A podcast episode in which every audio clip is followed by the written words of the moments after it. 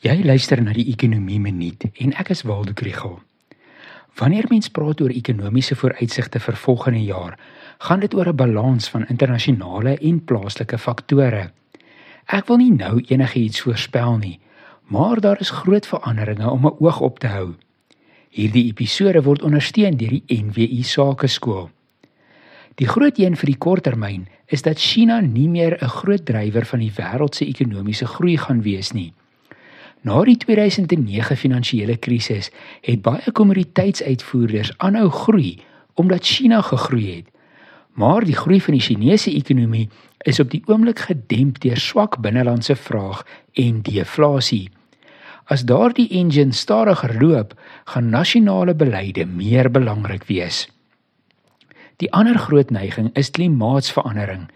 Die aanpassing daarbey en stappe om dit teen te werk gebeur nie vinnig nie, maar dit is aan die gang.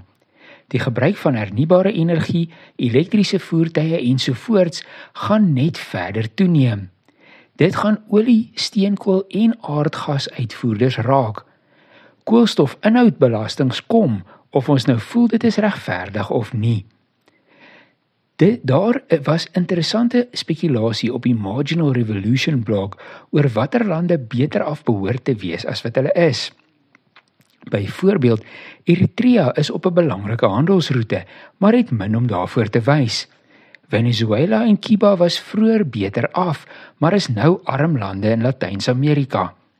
As nasionale beleide dan meer belangrik is as wêreldwye drywers van groei, wat sou dit behels?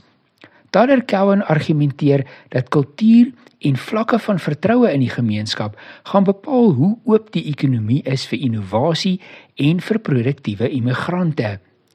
Dit is 'n goeie toets vir ons eie politieke partye se beleidsvoorstelle net so voor 'n verkiesing. Is hulle oop vir besigheid of wil hulle die ekonomie probeer beheer en beïnvloed?